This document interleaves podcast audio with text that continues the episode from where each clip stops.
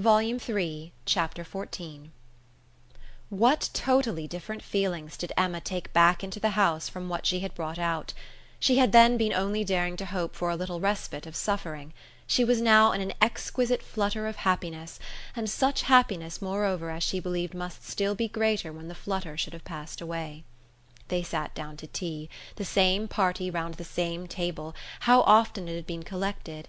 And how often had her eyes fallen on the same shrubs in the lawn, and observed the same beautiful effect of the western sun!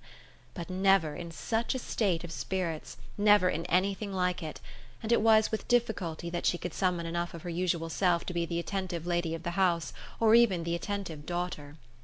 Poor Mr. Woodhouse little suspected what was plotting against him in the breast of that man whom he was so cordially welcoming, and so anxiously hoping might not have taken cold from his ride. Could he have seen the heart, he would have cared very little for the lungs; but without the most distant imagination of the impending evil, without the slightest perception of anything extraordinary in the looks or ways of either, he repeated to them very comfortably all the articles of news he had received from Mr. Perry, and talked on with much self contentment, totally unsuspicious of what they could have told him in return.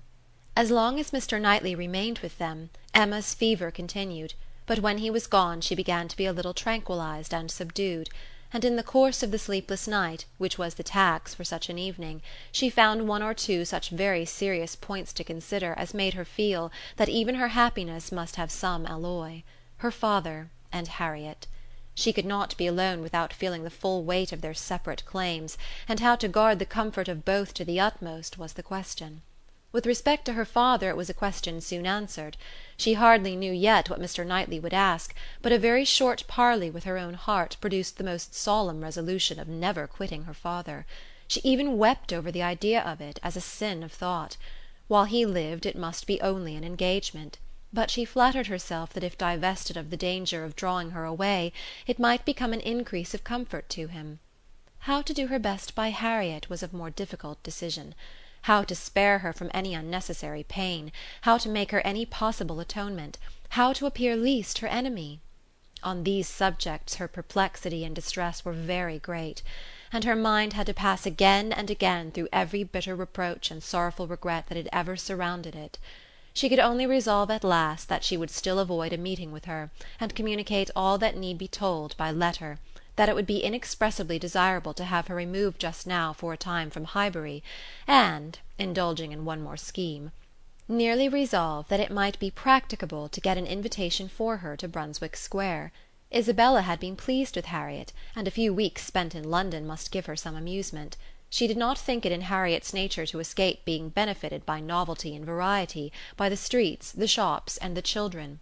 At any rate it would be a proof of attention and kindness in herself, from whom everything was due, a separation for the present, an averting of the evil day when they must all be together again. She rose early and wrote her letter to Harriet, an employment which left her so very serious, so nearly sad, that Mr. Knightley, in walking up to Hartfield to breakfast, did not arrive at all too soon and half an hour stolen afterwards to go over the same ground again with him, literally and figuratively, was quite necessary to reinstate her in a proper share of the happiness of the evening before. He had not long left her, by no means long enough for her to have the slightest inclination for thinking of anybody else, when a letter was brought her from Randalls a very thick letter; she guessed what it must contain, and deprecated the necessity of reading it. She was now in perfect charity with Frank Churchill; she wanted no explanations, she wanted only to have her thoughts to herself, and as for understanding anything he wrote she was sure she was incapable of it. It must be waded through, however. She opened the packet. It was too surely so: a note from Mrs. Weston to herself ushered in the letter from Frank to Mrs. Weston. I have the greatest pleasure, my dear Emma, in forwarding to you the enclosed. I know what thorough justice you will do it, and have scarcely a doubt of its happy effect. I think we shall never materially disagree about the writer again, but I will not delay you by a long preface. We are quite well. This letter has been the cure of all the little nervousness I have been feeling lately. I did not quite like your looks on Tuesday, but it was an ungenial morning, and though you will never own being affected by weather, I think everybody feels a north east wind. I felt for your dear father very much in the storm of Tuesday afternoon and yesterday morning, but had the comfort of hearing last night by Mr. Perry that it had not made him ill. Yours ever, A. W. To Mrs. Weston. Windsor, July. My dear Madam, If I made myself intelligible yesterday, this letter will be expected; but expected or not, I know it will be read with candour and indulgence. You are all goodness, and I believe there will be need of even all your goodness to allow for some parts of my past conduct. But I have been forgiven by one who had still more to resent. My courage rises while I write it. It is very difficult for the prosperous to be humble. I have already met with such success in two applications for pardon, that I may be in danger of thinking myself too sure of yours, and of those among your friends who have had any ground of offence. You must all endeavour to comprehend the exact nature of my situation when I first arrived at Randalls. You must consider me as having a secret which was to be kept at all hazards. This was the fact. My right to place myself in a situation requiring such concealment is another question. I shall not discuss it here. For my temptation to think it a right, I refer every caviller to a brick house, sashed windows below, and casements above, in Highbury. I dared not address her openly. My difficulties in the then state of Enscombe must be too well known to require definition, and I was fortunate enough to prevail, before we parted at Weymouth, and to induce the most upright female mind in the creation to stoop in charity to a secret engagement. Had she refused, I should have gone mad. But you will be ready to say, what was your hope in doing this? What did you look forward to? To anything, everything; to time, chance, circumstance, slow effects, sudden bursts, perseverance and weariness, health and sickness. Every possibility of good was before me, and the first of blessings secured, in obtaining her promises of faith and correspondence. If you need farther explanation, I have the honour, my dear Madam, of being your husband's son, and the advantage of inheriting a disposition to hope for good, which no inheritance of houses or lands can ever equal the value of. See me, then, under these circumstances, arriving on my first visit to Randalls; and here I am conscious of wrong, for that visit might have been sooner paid. You will look back and see that I did not come till Miss Fairfax was in Highbury and as you were the person slighted, you will forgive me instantly; but I must work on my father's compassion by reminding him that so long as I absented myself from his house, so long I lost the blessing of knowing you. My behaviour during the very happy fortnight which I spent with you did not, I hope, lay me open to reprehension, excepting on one point. And now I come to the principal, the only important part of my conduct while belonging to you, which excites my own anxiety or requires very solicitous explanation. With the greatest respect, and the warmest friendship do I mention Miss Woodhouse. My father, perhaps, will think I ought to add, with the deepest humiliation. A few words which dropped from him yesterday spoke his opinion, and some censure I acknowledge myself liable to. My behaviour to Miss Woodhouse indicated, I believe, more than it ought.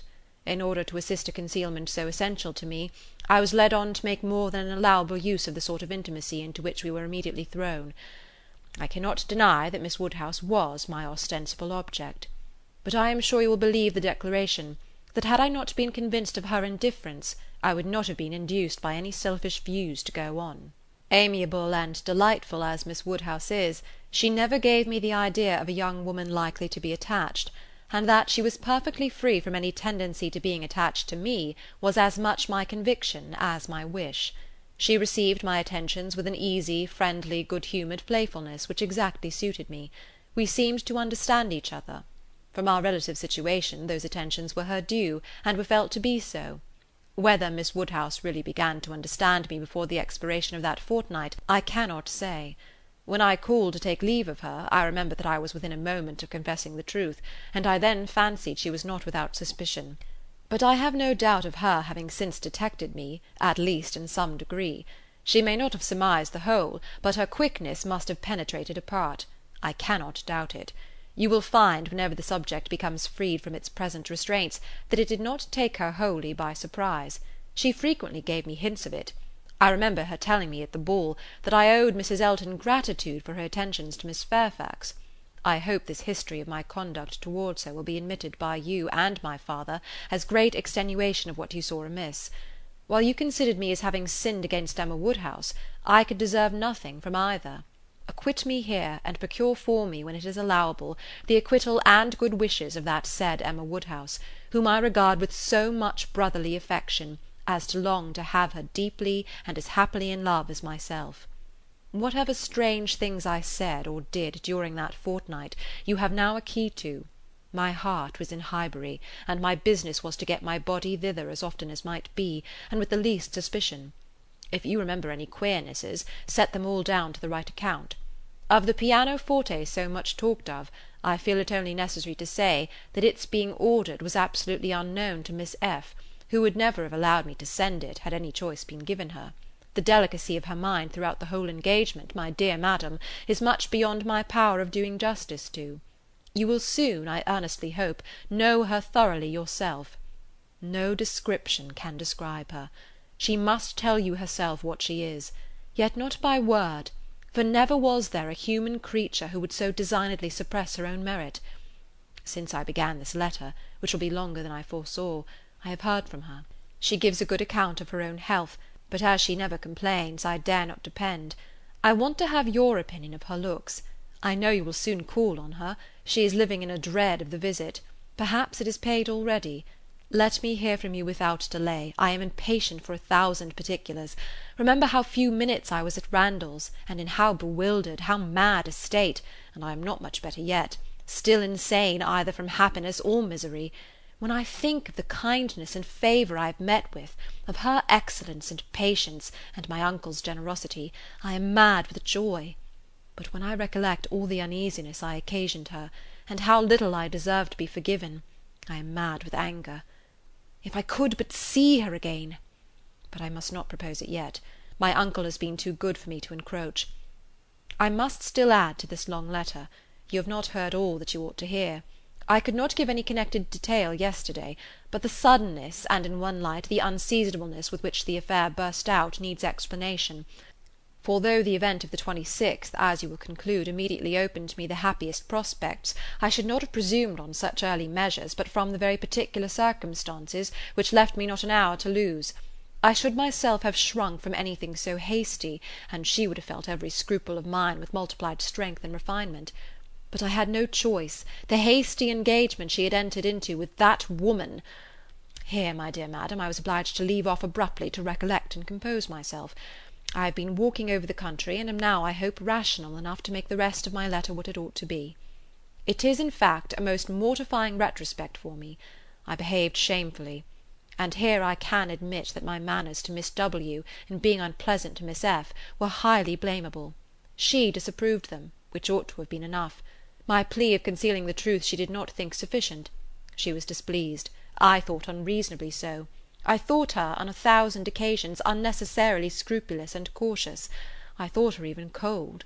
But she was always right.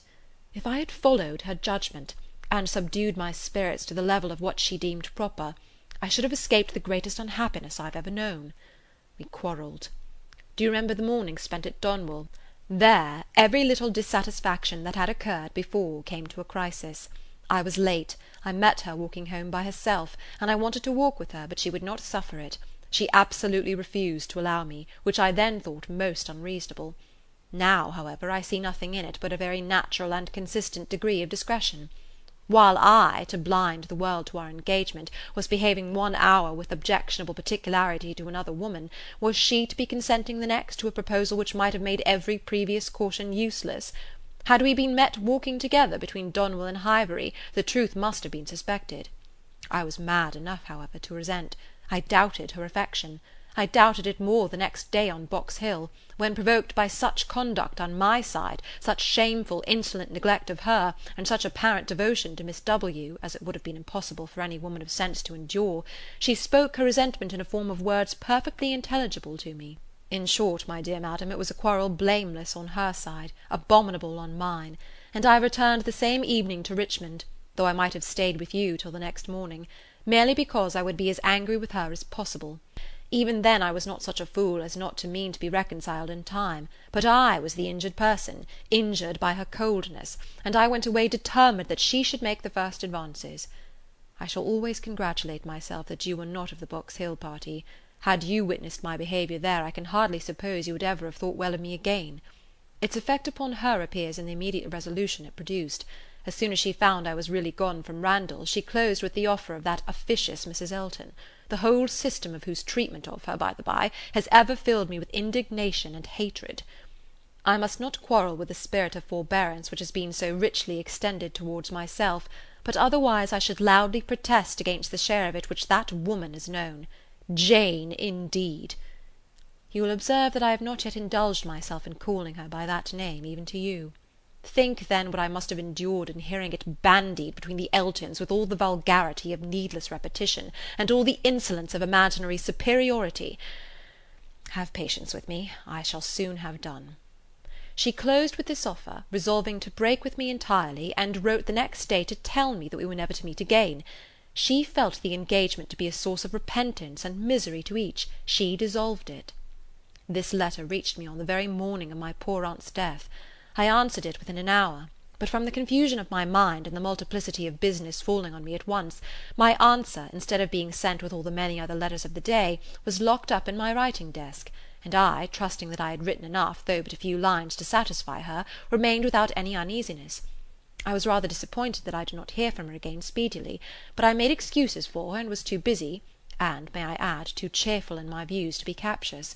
We removed to Windsor, and two days afterwards I received a parcel from her my own letters all returned, and a few lines at the same time by the post, stating her extreme surprise at not having had the smallest reply to her last, and adding, that as silence on such a point could not be misconstrued, and as it must be equally desirable to both to have every subordinate arrangement concluded as soon as possible, she now sent me, by a safe conveyance, all my letters, and requested that if I could not directly command hers, so as to send them to Highbury within a week, I would forward them after that period to her at in short, the full direction to Mr. Smallridge's, near Bristol, stared me in the face.